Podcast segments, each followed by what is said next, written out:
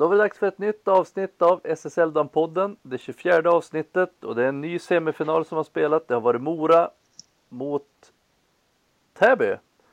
Tjena Ove! Tjena Henke! Det är tätt mellan avsnitten nu och det är tätt mellan matcherna.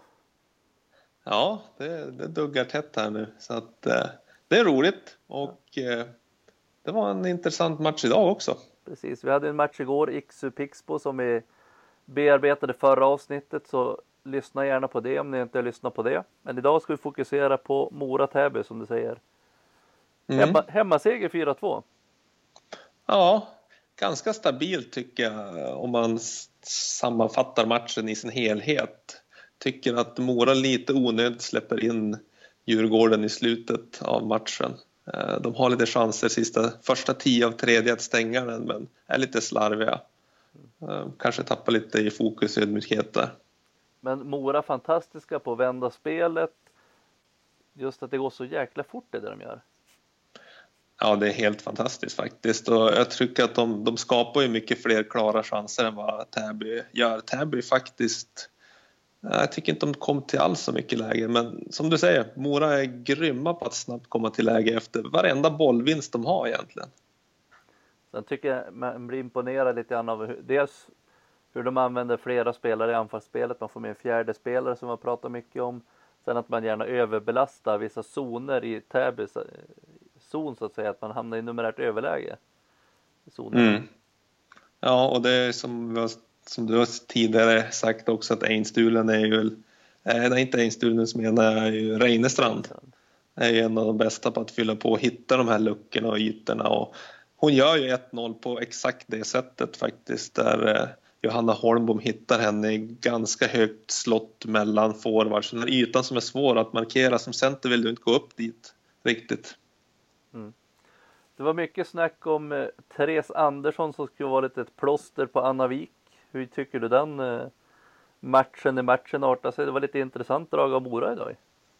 Ja, och att eh, Vik eh, inte gör något poäng idag så att på ett sätt lyckas det ju.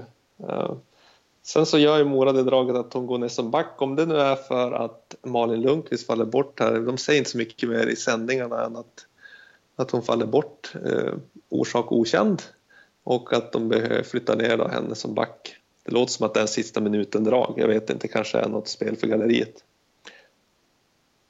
Men eh, ja, Vik sköter sig bra på backen och Mora vinner.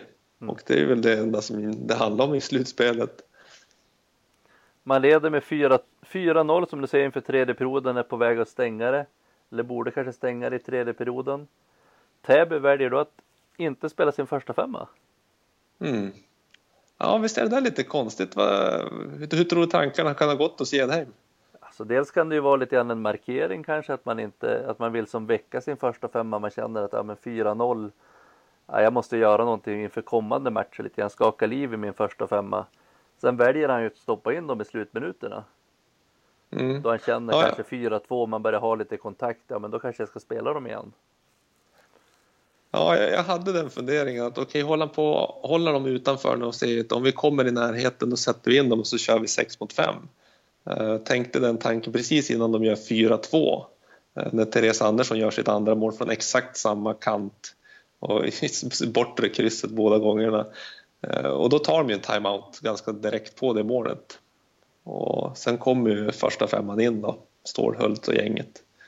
Och det blir en hel del spel 6 mot 5 men jag, jag tyckte ändå att det kändes konstigt att de inte spelade första kvarten. Och man undrar liksom vad det ändå skickar för signaler. Det kan ju vara så att han har sagt att ja, men om vi kommer nära då kommer vi göra så här. Men det blir ändå en känsla av att ja, vi, vi siktar på match två. Om vi då tittar vidare mot match två, tror du att vi kommer få se samma matchbild i Täby på söndag? Nej, alltså det känns ju som att eh, den här första femman, det var ju en rejäl urladdning mot eh, Endre. Så att jag hoppas ju att de kan kanske hitta tillbaka. Det kan ju vara lite mental trötthet. Det har ändå gått fem dagar så att de borde inte fysiskt så borde de återhämta sig. Så eh, bättre från dem för att de, de kom inte till så mycket farlighet de första två perioderna. Så att i och för sig, det kanske var rätt att bänka dem av den anledningen också. Mm. Och det är ju som Gedheim har varit inne på lite grann också att ja, men det är de som ska göra poängen, det är de som ska leda laget framåt medan då andra femman har eller andra arbetsuppgifter att de ska mer plocka bort motståndarlaget första femma. Jag tycker faktiskt att de gör det bra både andra och tredje här i tredje perioden som får, får, mer speltid. Uh, men de släpper ju inte in något mål. De vinner sista med 2-0 så att uh, det är inte oävna spelare som de har på bänken Täby. Mm. Ser du någonting i Täbys spel som man måste förändra nu till på söndag för att kunna Förutom att första femman måste kliva fram. Alltså detaljer som du tänkte på att, ja men här. Här har de en läxa att göra. Jag tänkte som mer på att jag tyckte att eh, Mora var otroligt fokuserat första två perioderna. Speciellt bra på vissa bitar. Alltså det här med att de försvarsmässigt jättestabila, jättetajta, jobba 100% hela vägen. Eh, och satt, sätter ju sina spelvändningar. De har jättemånga chanser att göra mer mål tycker jag. Så Mora äckligt bra, äckligt bra på att hitta det snabba passet och komma med fart. Eh, Täby, ja, det kändes lite... Ja, de, har, de, de har ett snäpp, de måste komma upp ett snäpp, tycker jag. Och det är ju det som är tjusning med slutspel, att det är en ny match på två dagar senare. Det är helt andra, man nollställer och verkligen, då är det helt andra förutsättningar också. Det... Ja, precis. Man börjar det känns för, Ja, och det, det, känns ju det här slutspelet. Jag tycker att båda de här matcherna, det är ju inget lag eh, som spelar ut det andra helt och hållet. Utan det är ju precis så jämnt som det ska vara i både den här serien och mellan Iksu och Pixbo. Eh, det är en viss spets i både Iksu och Mora som gör att de, har, de går vinnande ur det här och första matcherna och rent spelmässigt ganska jämnt. Men idag tyckte jag väl Mora var en klass bättre än Täby.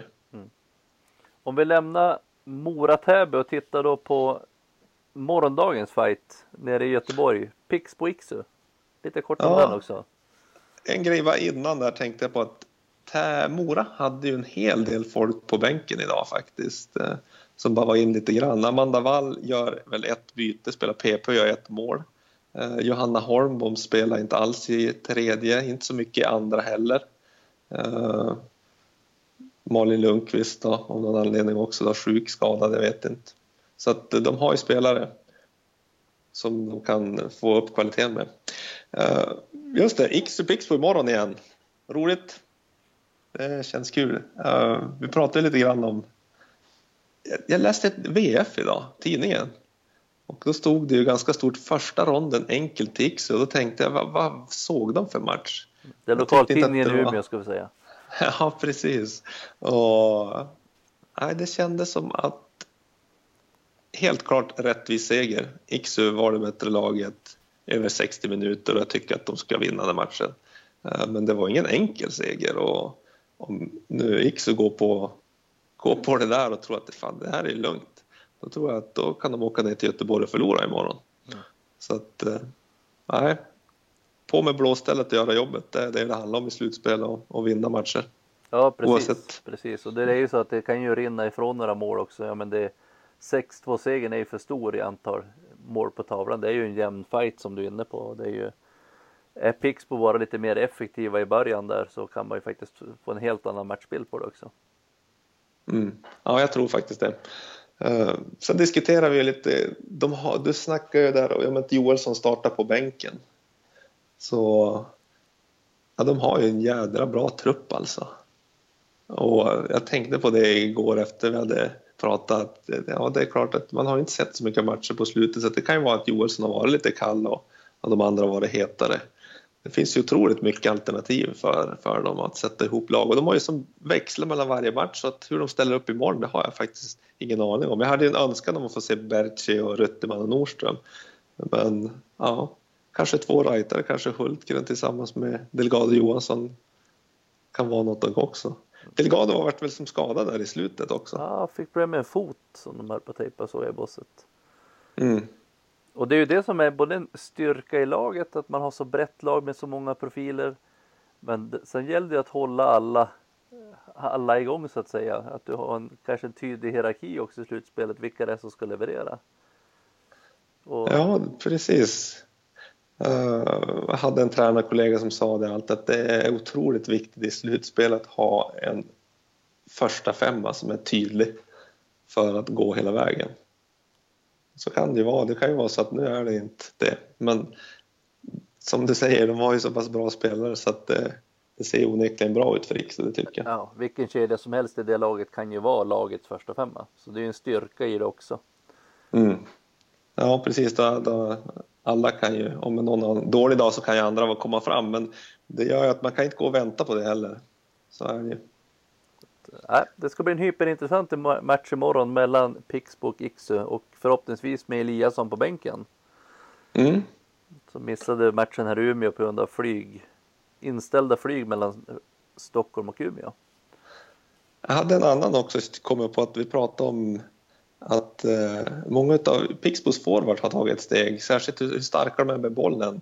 Eh, Linda Andersson och de här att de täcker undan och klarar av Iksus backar. Det tycker jag var roligt att se faktiskt. Mm, härlig fart på Linda Andersson, alltså bra energi i hennes spel. Ja, fantastiskt. Och det, en till grej där är ju att tänk att det här är, det är ändå typ landslagsbackar i båda lagen. Så att forwards de får ju verkligen jobba hårt. Mm, absolut. Pixbo har ju mm. De har ju tre svenska landslagsbackar som är i alla fall aspirerade. Du har ju både Krantz, Boberg och Ida Sundberg och så har du Laura Manninen då. Och mm. i Iksu så vimlar det också av landslagsbackar med Sofia Andersson i spetsen, Isa Rydfjäll och ja, de har ju också ett, en hel rad med landslagsbackar så det är ju en häftig backbesättning de här två lagen besitter. Ja, verkligen. Ja, det, det, det blir hett det där. Helt, hoppas jag i alla fall. Mm. Och du som är en man som älskar att tippa resultat i en match, får vi då slutresultat på morgondagens fight? Nej, nej, alltså jag har faktiskt känt det att jag frångår tippningen och säger bara att alltså det, jag hoppas på jämna matcher. Um, jag tror ju att Iksu, jag faktiskt fick den känslan då att Iksu kommer att gå segrande ur den här matchserien. Um, men ja, det kommer bli på håret, tror jag. Om, om Pixbo höjer sig ett litet snäpp och så blir de lite effektivare än vad de var igår. Ja, jag säger 4-3 Iksu. Eh, jag säger vinst för dem. Mm. Just Joelsson tror jag faktiskt gör, gör 4-3 målet. Blir okay. matchvinnare imorgon.